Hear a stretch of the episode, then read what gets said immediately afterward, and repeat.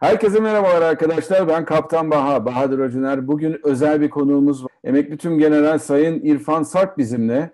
Bugün aslında değerli bir konuğumuz var ama ne yazık ki bugün çok kötü bir konudan, ikimizi de gerçekten üzen bir konudan bahsedeceğiz. Bir yıl önce Atatürk Havalimanı'nın pistlerinin katledilişinden söz edeceğiz. Hoş geldiniz Kaptan Baha kanalına. E, kendimi tanıtayım önce. 1936 doğumluyum. 85 yaşındayım. Hiç göstermiyorsunuz. 1956 yılında Hava Harp Okulu'ndan mezun oldum. Eğitimimi Amerika'da tamamladım. Muharip jet uçuş birliklerinde pilotluk, filo komutanlığı, üst komutanlığı ve bir de jet eğitim filosunda uçuş öğretmenliği yaptım. 1987 yılında emekliye ayrıldım. Efendim emekli olduktan sonra hava kuvvetlerimizin beni namzet göstermesiyle Amsa, Lüksemburg'da NATO karargahı, lojistik karargahında silah sistem menajerliği görevine kabul edildim ve orada 10 yıl silah sistemleri, uçak sistemleri konusunda çalıştım. Oradan da e, görevimi tamamladıktan sonra uçuş simülatörüyle uçuyorum. Benim yeni aldığım Microsoft Flight Simulator 2020 ile Süper. uçuşlar yapıyorum ve günümü öyle tatlı bir şekilde geçiriyorum. Evet. Sizin bir de yazdığınız güzel bir kitabınız var. Ee, evet, iki kitabım var aslında. Ben bir tanesini okuyabildim ancak. Hava Kuvvetleri'nde görevliyken e, Türk Hava Kuvvetleri'nin doğuş yılları basıldı 1986'da. Sonra Hava Kuvvetlerimizin 100. yılı 2011 yılında sivil e, bir matbaada bastırdım. Bir kitabım o. Türk Hava Kuvvetleri'nin doğuş yılları. İkinci kitabım da arkadaşlarım e, hikayelerimi anlat. Bunları kaleme alın diye de ısrar ettiler. Eşim, e, çocuklarım. Onun üzerine onu kaleme aldım. O da bir jet pilotunun anıları. Bunun ikisini de kitap yurdu sitesinden temin edilebiliyor. İkinci kitabınızı zevkle okudum. İlkini de edineceğim. Onu hakikaten başlangıçta da söz ettiğim gibi Sarp Hocam maalesef sevdiğimiz, çok özene bezene korumaya çalıştığımız, böyle neredeyse pamuklara sararak korumaya çalıştığımız bir havaalanı var. E, İstanbul Atatürk Havalimanı ve ne yazık ki geçtiğimiz yıl, bir yıl önce bu havaalanının pistlerini pandemi bahanesiyle bir hastane yapıldı. Bir sahra hastanesi görünümünde bir hastane yapıldı. Bunun üzerine ben hakikaten o gün gerçekten benim haleti ruhiyemi anlatan bir video çekmiştim öyle spontane bir şekilde. Ve bu bayağı bir tepki gördü. Hem olumlu tepkiler gördü hem de olumsuz tepkiler gördü. İnsanlara bir şekilde buranın önemini anlatma ihtiyacı hissediyorum ben. Bunun gerisini maalesef getiremedim. O yüzden sizin yardımınıza ihtiyacım var. Çünkü bu konuda sizin yapmış olduğunuz müthiş bir girişim var ve mü- müthiş bir çalışmanız var. Yani başka havaalanlarından yola çıkarak örnek gösteriyorsunuz. Örneğin Atatürk Havalimanı'nın kaderini paylaşmayan eskiden havaalanı olup sonradan kapatılmış olan yerler var. Bunlardan bize biraz söz edebilir misiniz? Atatürk Havalimanı Yeşilköy Tayyare Alayı ismiyle 1912 yılında kuruldu. İlk iki uçağımız Mart 1912 yılında bu meydana indi. Şimdi ben bu çalışmaları yaparken acaba bizim 1912 yılında demek ki kaç yıl olmuş? 109 109 yıl olmuş. 109 yıl olmuş. 109 yıl olmuş. Acaba o yıllarda diğer dünya ülkelerinde onlarda ne zaman hava ilk hava alanları yapılmış diye bir araştırma yap ve Atatürk Havalimanı'nın dünyadaki ilk 10 hava alanından birisi olduğunu tespit ettim. Şimdi orada göreceksiniz ilk havaalanı tabii ilk dünyada ilk uçağın uçtuğu yer malumunuz Amerika'da 1903 yılında Wright Brothers'lar uçtular ve orada 1909 yılında ilk havaalanı kurulmuş Maryland eyaleti. Tabii ondan sonra İngiltere'de, Rusya'da, Almanya'da, İspanya'da, Fransa'da ve bu arada ilk kurulanların havaalanından birisi de bizim Atatürk Havalimanı. O zamanki ismiyle Yeşilköy Tayyare Meydanı. Dikkat edin 109 yıl önce kurulmuş o havalimanı. Ve e, söz ettiğiniz olayı da şöyle bir düşünürsek aslında bu Cumhuriyet tarihinden de öteye giden bir şey. Osmanlı'nın aslında en kötü zamanlarına denk gelen işte Balkan Savaşı var, bir sürü savaşlardan çıkmış, sürekli toprak kaybediyor ama yine de birileri imparatorluk zamanında o kadar kötü zamanda bile buraya bir havaalanı kurmayı ve burada havacılığı geliştirmeyi bir vizyon haline getirip onu düşünmüş. Havacılığa ilk adımı atan o büyüklerimizi Mahmut Şevket Paşa, ilk pilotlarımız Fe Feza Bey, Kenan Bey, Süreyya İlmen, ilk hava teşkilatı olarak. Ben onları sevgiyle, saygıyla, büyük bir hürmetle anıyorum. Düşünün ki dünyada ilk havada uçağın resmini görmemişler, sesini duymamışlar. O zaman 1912 yılında bizim o büyüklerimiz havacılığın, uçakların kıymetini anlamışlar ve o havalimanı koymuşlar ve e, ilk hemen ilk seçilen iki pilotumuzu da Fransa'ya göndermişler eğitim için ve gelmişler. 1912 yılında biz uçuşlara başlamışız. Nerede? İlk orada. Ben Atatürk Havalimanı'ndan bahsederken havacılığın Türk askeri ve sivil havacılığının doğum yeri ve beşiği diye hep tanımlarım. Sivil havacılık da ilk defa oradan Atatürk Havalimanı o zamanki ismiyle Yeşilköy Hava Meydanı. Tarihi değere sahip olan bir havalimanı orası. Tabii tarihi değerini biraz evvel anlattınız. Gerçekten yani Osmanlı'dan bir, bize miras kalmış bir şey. Ondan sonra Cumhuriyet devrinde çok çok daha geliştirilmiş. Atatürk Havalimanı belki etrafı hakikaten genişletmek için çok da mümkün değil. En son zamanlarında denk geldiğimiz zaman ama dediğiniz gibi orada büyük bir tarih yatıyor. Ama bunun dışında insanların kullanması açısından da çok yararlı bir havaalanı.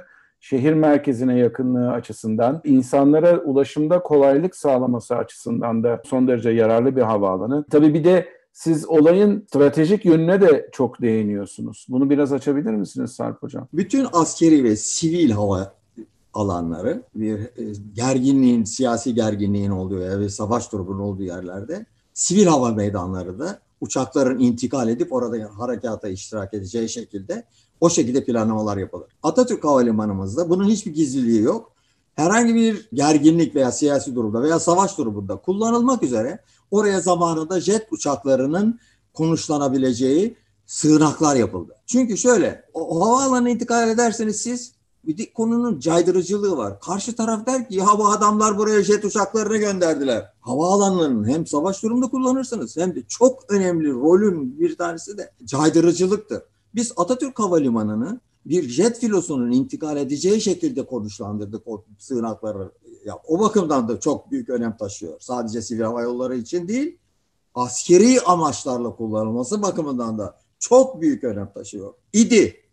İdi. Şimdi tek pistte kaldık biliyorsunuz. Belki ileride konuşacağız. İki ana pisti ve iki ana pisti e, e, hala hazırda kalan çapraz pistten 05-2-3 pisti tabir ediyorlar buna. Bu pist ilki kuzey güney pistinden de 540 metre 1200 küsur fit daha kısa. E neden kırdınız? Şimdi e, oraya geleceğiz belki de. Şimdi kırılmış pistlerden bahsedince müsaade ederseniz. Bu konularda çok canım yanık benim çok. O Atatürk Havalimanı'nın kırıldıktan sonra fotoğrafları çıktı. O fotoğraflar var ya, o fotoğraflara ben baktığım zaman o fotoğraflar benim göğsüme bir hançer gibi saplar. Tabii ki diğerlerini atmışlar bakalım. Şimdi birkaç tane sana misal vereceğim. Pilotsunuz, hala hazırda uçan bir havayolu pilotusunuz. Berlin'e uçmuşsunuzdur Berlin'de. Orada şimdi birkaç tane hava havalimanı var. Tegel havalimanı var. Orada Tempelhof havaalanı vardı. Berlin'de. Hı hı. Esas ilk 1900'lerde kurulan ihtiyacı e, karşılayamadığı için yeni havaalanını yaptılar. Bir kuzey Berlin'in kuzeybatısında yaptılar. Tegel'i bir de güneyinde yaptılar. O havaalanını artık uçuşlara kapattılar. Ancak Tempelhof Havaalanı'nın pistleri 20 yıldır aynen muhafaza ediliyor. Şimdi buraya bir nokta koy.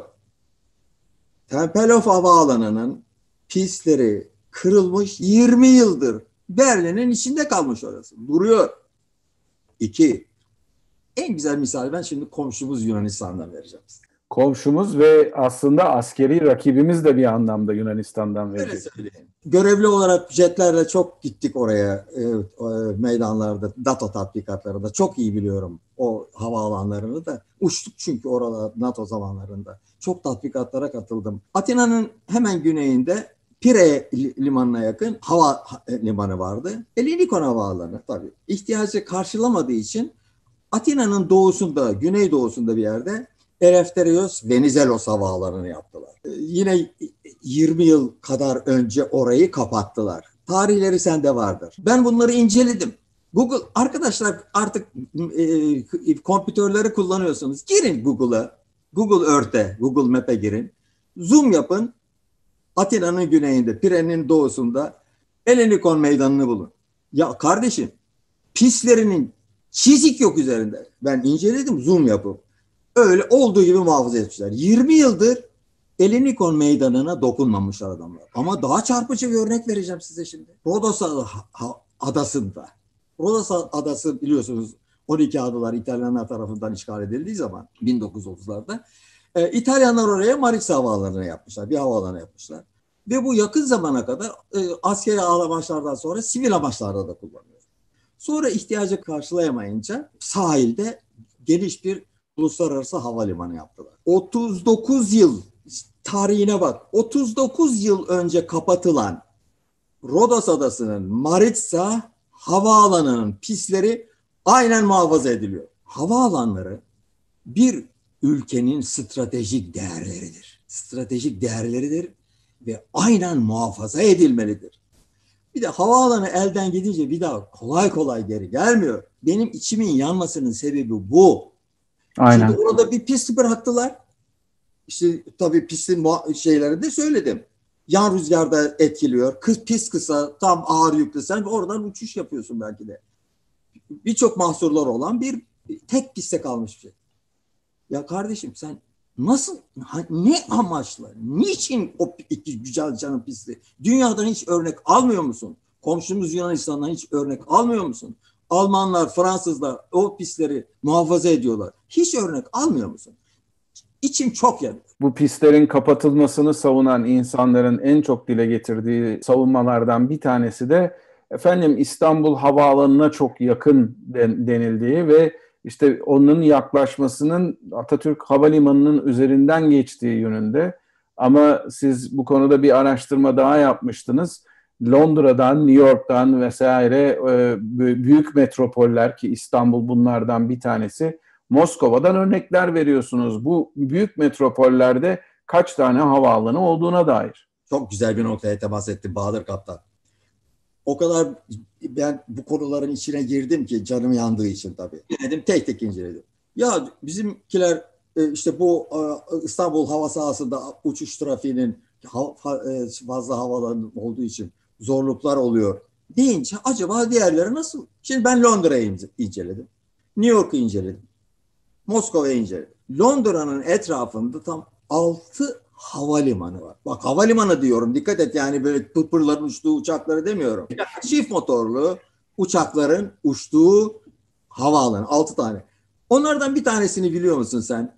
Tam Thames Nehri'nin ortasında London City diye bir havaalanı var. Hiç biliyor musun? Biliyorum. Mükemmel bir havaalanıdır. O havaalanına ben o, ölçtüm orasını. Londra'nın merkezindeki London City havaalanından meşhur onların parlamento binası var ya Westminster. Oraya 6 mil 7 mil mesafede. Şimdi Londra. 6 tane havaalanı. Onun güneyinde Gatwick var. Gatwick ile London City arasında mesafesi 8 7 8 mil. İstanbul Havalimanı ile Atatürk Havalimanı kaç mil biliyor musun? 19 mil İzmir'e. Ama daha çarpıcı bir örnek. Şimdi geçelim New York'a. Evet. New York'ta da inceledim. New York'un etrafında Londra'da ne demiştik? 6 tane havaalanı var çevresinde ve jet uçakların uçtu. Ee, New York'tan sen oraya uçuyorsundur her gün. Uçuyorum. Orada da beş tane var. Beş tane değil mi? Şimdi bunlardan hepimizin bildiği JF Kennedy havaalanı var. Bir de hemen onun kuzeyinde LaGuardia havaalanı var. Aralarındaki mesafe 7 mil, 8-9 mil en fazla. Aynı istikamette inen uçaklar, aynı istikamette inen uçaklar 4 deniz mili. Gelelim Moskova'ya. Moskova'da 4 hava limanı var. Dört.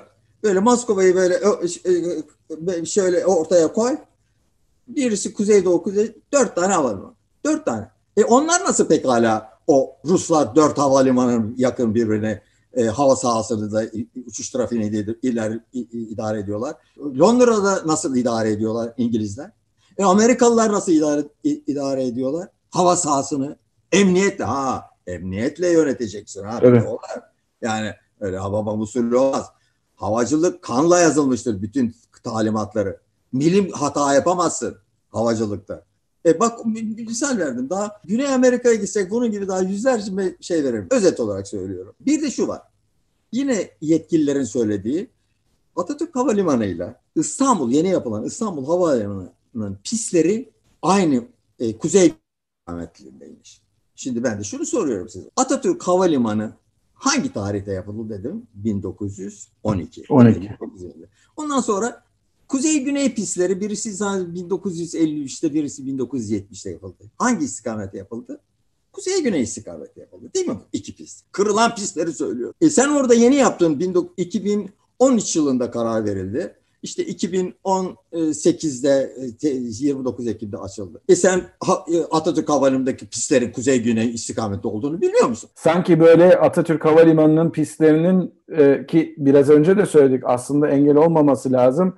Sanki kasti bir şekilde o yönde yanılmış, yapılmış gibi diğer büyük pistler türünden bir izlenim elde ediyor insan ki benim bildiğim kadarıyla oraya uçan pilotlar da şikayetçi çünkü hepsi kuzey-güney yönünde olduğu için de yan rüzgarlardan dolayı bayağı sıkıntı yaşadıklarını söylüyorlar. E beş tane kuzey-güney istikametinde pist yapıldı şimdi. Beş tane. Beş. E hani çapraz e, pist nerede? Yok. E, bak şimdi işte bak Atatürk Havalimanı'nı yapanlar, o ben o büyüklerimizi, o havalimanını yapanlar böyle aramızdan ebediyen ayrılanların ruhları şad olsun diyor. Ne düşünceler, ne büyük düşünceler, havacılar varmış o zamanlar. Bir tanesi kuzey güney çapraz, iki tanesi Birinde rüzgar rüzgar eserse öbürüne iniyorsun. İstanbul Atatürk Havalimanı 2018 e, yılın uçuş trafiği olarak dünyada 63 küsür milyon yolcuyla 17. sıraya geldi. 17. sırada olan bir havalimanı bu. Nasıl kapatıyorsunuz pistlerini kuruyorsun? Ki benim her zaman dile getirdiğim bir şey daha var. Yani ben aslında İstanbul Havalimanı'nı, yeni havaalanını uluslararası trafik açısından çok beğenen bir kişiyim. Ama aynı zamanda Atatürk Havalimanı'nda bunun da örnekleri var. Mesela Washington'da Dulles Havaalanı yapılıyor uluslararası trafik için. Ama bunun yanında Washington National'ı tutuyorlar. Tam böyle şehre çok yakın. Çünkü onun da kendine göre müşterisi oluyor. Aynı şekilde mesela ben Toronto'ya gittim. Toronto'da koskocaman bir havaalanı var uluslararası. Ama şehir merkezine yakın Toronto Island Havaalanı var. Oraya sadece turboprop uçaklarla hizmet verilmesine izin veriyorlar. E, bu da benzer bir çözüme de gidilebilirdi. Mesela siz İstanbul'dan İzmir'e uçacaksınız. İstanbul Havaalanı'na kadar gitmek yerine Atatürk Havalimanı'ndan ufak ufak kapasiteli turboprop uçaklarla da uçabilirsiniz. Evet. Bunun da biletlerini de daha pahalı yaparsınız ki hani buranın da maliyetini karşılasın diye. Eğer siz hakikaten rahat uçmak istiyorsanız, çabuk uçmak istiyorsanız 3-5 kuruş fazla verip Atatürk'ten uçarsınız. Yok eğer Boeing'le 777 ile İzmir'e Antalya'ya gideyim diyorsanız o zaman da büyük uçakla uçmak için oraya gidersiniz diye düşünüyorum ama sizce şunu sorayım size. Peki bu kararı verenler, bu pistlerin ben katledildi diye yazmıştım videomda. Bu pistlerin katledilmesine karar veren merciler gerçekten havacılar mı acaba? Siz ne düşünüyorsunuz? Bir havacının hiçbir şekilde asla kat'a o pisleri kıracağını düşünemiyorum. Ya ben sana biraz evvel söyledim. O kırılan pisler benim göğsüme hançer gibi saplanmış. Havacı kırar mı onları ya? Ya sen çok basit misal. Hani şey her zaman kullanırız. Ayağına kurşun sıkmak. Ya bu ayağa kurşun sıkmıyor beynine kurşun Bu konuda çok haklısınız. Tabii bu arada bir şeyi de hatırlatmakta yarar var. Olay sadece Atatürk Havalimanı da değil. Bu Covid bahanesiyle aynı zamanda Samandıra Havaalanı'nın da elden çıkarılması söz konusu oldu ki orası da her ne kadar etrafında çok fazla yapılaşma olsa bile eğitim pisti olarak çok kullanılabilirdi. Maalesef biz havaalanlarımızı pek koruyamıyoruz galiba Sarp Hocam. Ne dersiniz? Şimdi Samandıra'da ben F-84F'lerde muharip jet uçaklarında Balıkesir'de uçarken 1900 1967-68 yıllarında e, benim filo komutanım Necati Artan. Şimdi Necati Artan'ı ben burada e, rahmetle, minnetle, şükranla, sevgiyle, saygıyla anıyorum. Necati Artan emekli olduktan sonra o Samandıra havaalanında uçuş okulu var. Candan bir tayareci bu. Bu Necati Artan. Buradan ilan ediyorum. Efsane. Orada bir havacılık okulu vardı ve orada pilotluk yapıyordu. Orada yani havacıların mekanı bunlar ya. Bunlar evet. havacıların Kabe'si bunlar. Bu havaalanları ya. Yani Samandıra'dan başka yer bulamadınız mı hastane yapacak? Ben açık olarak burada söylüyorum. Çok büyük hatalar yapılmıştır.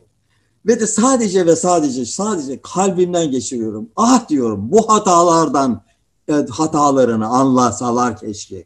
Şimdi bak hepimiz hata. Ben de hata yapıyoruz. Hatadan dönmek nedir? Bir erdemdir, fazilet var. Desinler ki ya biz hata yaptık. Erdemli kişilerin yapacağı faziletli kişilerin nedir? Hatadan dönmektir. En kısa zamanda bu hatadan dönüp öncelikle Atatürk Havalimanı'nın o canım pislerinin kırılan pislerinin tamir edilmesini ve en kısa zamanda da Samandıra Havaalanı'nın tekrar uçuş hale getirilmesini ben bütün bütün yetkililere buradan duyurmak istiyor. Umarım bu video bizim için bir başlangıç olur. Siz bu konuda zaten bayağı mercilerle yazışıyorsunuz, fikrinizi beyan ediyorsunuz. Ben işte dile getirmeye çalıştım. Geçen yıl ilk videoyu yaptığım zaman bazı basın organlarında yankı bulmuştu. Hatta meclise bir, bir önerge olarak veya soru önergesi olarak da götürülmüştü ama umarım hatalardan geri dönülme açısından bir çözüm yolunu bulunabilir. Çünkü burası Ahmet'in, Mehmet'in havaalanı değil. Burası 80 küsür milyonluk bütün Türkiye'nin havaalanı. Bunlar bütün 80 milyonluk bütün Türkiye'nin ileride ihtiyacı olacağı veya şu an bile ihtiyacı olduğu meydanlar, e, pistler. Konuşmamız başında söyledim. Havaalanları bir ülkenin stratejik değerleridir. Asla ve asla elden çıkarılmamalıdır. Şimdi diyelim ki Batı'da bir bir şey oldu, e, bir siyasi gerginlik oldu. E benim oraya jet filolarım inecekti. Diyeceksin ki şimdi orada bir tane pis var, orada harekat yapsınlar. Ya Bahadır sen pilotsun ya. Yani üç tane pistten ve pistten yapılan harekatla tek bir pistten yapılan harekat bir olur mu? Yani bizim oradaki askeri planlarımızda kullanmak istediğimiz bir hava limanının iki ana pistini de kırdılar. Oraya bir de ben indim gençliğimde biliyor musun? T-33 tabir ediyorduk böyle. Ben uçuş öğretmeniydim. Orada uçak sığınakları yapılmıştı. Onlara uçakların girip testler yapılırken. Atatürk Havalimanı gece yatısına kalan uçaklar var. Mesela pilotsun hala uçuyorsun. Gece yatısına kalacak yer bulunamadığı için başka hiçbir çare bulamadılar. O zaman uçak sığınakları o zaman yıkıldı ve yerine büyük bir park yeri yapıldı. Aa iyi ki onda hatırladım şimdi. Bunu da iyice dinle bak. Ee, Kuzey Güney pistlerinin e, tabii gün kırılan yerde e, ölçeğine göre Sahra Hastanesi'nin yapıldığı yer var. O çok önemli o benim o sana gönderdiğim. Sahra Hastanesi yapıldı. Onun metrekare olarak biraz evvel bahsettiğim o uçak sığınaklarının, beton sığınaklarının yerine yapılan bir de orada park yeri var. Yani bu hava e, yollarından gece yasına kalan uçaklar. Biliyor musun o hala hazırda boş tabii orada. Hiç bomboş duran. O boş park yerinin sahası metrekare olarak sahası. Hala hazırda pistler kırılarak yapılan sahanın iki misli biraz daha fazla. Bak tekrar söylüyorum burada ilan ediyorum. Bunu videoyu dinleyecekler. Herkes dinleyecek. Alsınlar Google Earth'e girsinler. Google Earth'e girsinler. Ve o park yerinin büyüklüğüne park şey, kırılan pistlerin sahasına baksınlar. O benim ben onu çizdim. Ya orada bomboş Sahra Hastanesi'nin yapılacağı alanın, metrekare alanının iki misli boş yer duruyor orada. Ha bir şey daha var. İstanbul Büyükşehir Belediyesi de bu e, havaalanının e, seçildiği, duyulduğu zaman, e, basına açıklandığı zaman yani Sahra Hastanesi'nin yapılacağı, Atatürk Havalimanı'nda yapılacak diye söylenince İstanbul Büyükşehir Belediyesi'nin yetkilileri Atatürk Havalimanı'nın hemen yakınında, Florya bölgesinde o hava alanında yapılan hastanenin büyüklüğünde boş arazi gösterdiler. Oraya da yapılmadı. Bu benim bahsettiğim hastanenin iki misli büyüklüğündeki yere de yapılmadı. Nereye? İşte benim kalbime saplanan o hançer var ya hançer. Ben şimdi sadece diyorum ki bu hatadan dönsünler. Faziletli insanların yapacağı şey. Büyük bir hata yapılmıştır. Hem askeri havacılığa hem sivil havacılığa. Bir de onun dışında sözünüzü, sözünü ettiğiniz yerlerin dışında unutmayalım ki bir tane bomboş bir terminal de var orada. Kendimi Atatürk Havalimanı ile ilgili incelemelere vakfettim. Bir e, çok sevdiğim bir arkadaşımın oğlu mühendis. Atatürk Havalimanı terminalinin tek tek bütün şeylerini yukarıdan aşağı bana yazdı. Efendim bilgisayarlarına varıncaya kadar Bir de oteli de var orada. Bütün altyapısı, her bir şeyi var orada. Melekşehir Büyükşehir Belediyesi ısrarla e, hastanenin oraya yerleştirilmesini ısrarla etti. Hani yanında park yeri var. E, metrosu zaten dibinde. Peki sizce bu e, yanlıştan dönmek kolay mıdır? Yarın öbür gün Covid bittiğinde bu hastanenin yerine tekrardan hastaneyi yıkıp pisler yapılabilir mi sizce? Elbette yapılabilir. Ne demek? Bugün bir karar mevciyi hatasını anlasa, ya biz yanlış yaptık, hatadan dönelim dese, çok kısa bir zamanda hemen o pistin aynısını yaparlar. Hemen onar olabilir. Ama o pist kolay bir pist değil biliyorsun. Sıradan bu asfalt, beton gibi değil onlar. Ama hemen yapılabilir. Hiç hiç merak olmasın. Ve de o hastane de biraz evvel bahsettim ya. boş duran orada iki misli boş yer var. Oraya kaydırılabilir. Havaalanında yapılacaksa yani hastanenin orada olması. İleride böyle sağlık turizmi için vesaire düşünülüyor diye basında haberlerde düşün. Sağlık turizmi bak orada duruyor iki misli. Hastanenin sahasının iki misli orada boş park yeri sahası var. Hatta ve hatta o eski terminali bir hastane havaalanı şeklinde bir şeye dönüştürüp sağlık turizmi de kullanılıp hatta bu dünyada bir ilk örneğini de yapabiliriz belki. Elbette. Elbette. Şimdi mesela diyelim ki birisi merak etti. Ya böyle böyle bir hastane yapılmış Atatürk Havalimanı'na bir hastane yapılmış. Acaba yeri neresi? Yeşil Yurt tarafında mı? Florya tarafında merak etse mesela. Google Earth'e girse hastanenin ismini yazıp pislerin, pislerin üzerine görse şaşırır ya nasıl bir şey olabilir yani bu akıl dışı. Yani pislerin üzerine hastane mi yapılır der. Kesinlikle haklısınız. Peki Sarp Hocam çok teşekkür ediyorum bana zaman ayırdığınız için. Ee, bu maalesef çok da hoş olmayan konuda ama ülkemiz için çok önemli olan konuda fikirlerinizi paylaştınız bizlerle. Umarım ülkemiz değerlendirir. Bir umudumuz hala var değil mi? Ben hiçbir zaman ümidimi kaybet. Bak sana söylüyorum. O havaalanının pisleri gelecekte, ileride bilemem. Zamanını bilemem. Biz görür müyüz, görmez miyiz? Onu da bilemem. Tamir edilecek ve tekrar uçuşlara açılacak. Bu ümidi taşıyorum. E, bu vesileyle e, sen bana teşekkür ettin ama ben de sana teşekkür ederim. E, böyle bir imkanı tanıdığın için bütün içimdeki dertleri bu, bu konuda çok dertliyim. Bunları da bu vesileyle senin değerli arkadaşlarınla paylaştığım için e, paylaşmamın rica ederim. ettiğin için. Ben teşekkür ediyorum. Rica ederim. Biz tabiri caizse sizle bu konuda dert ortağı olduğumuz için aynı dilden konuşuyoruz gibi geliyor bana. O yüzden dediğim gibi ben bunun mümkün olduğu kadar duyurulmasına ve yayılmasına elimden geldiğince yardımcı olmaya çalışacağım. Çok çok teşekkür ederim değerli zamanınız için. Tekrar ben teşekkür ederim.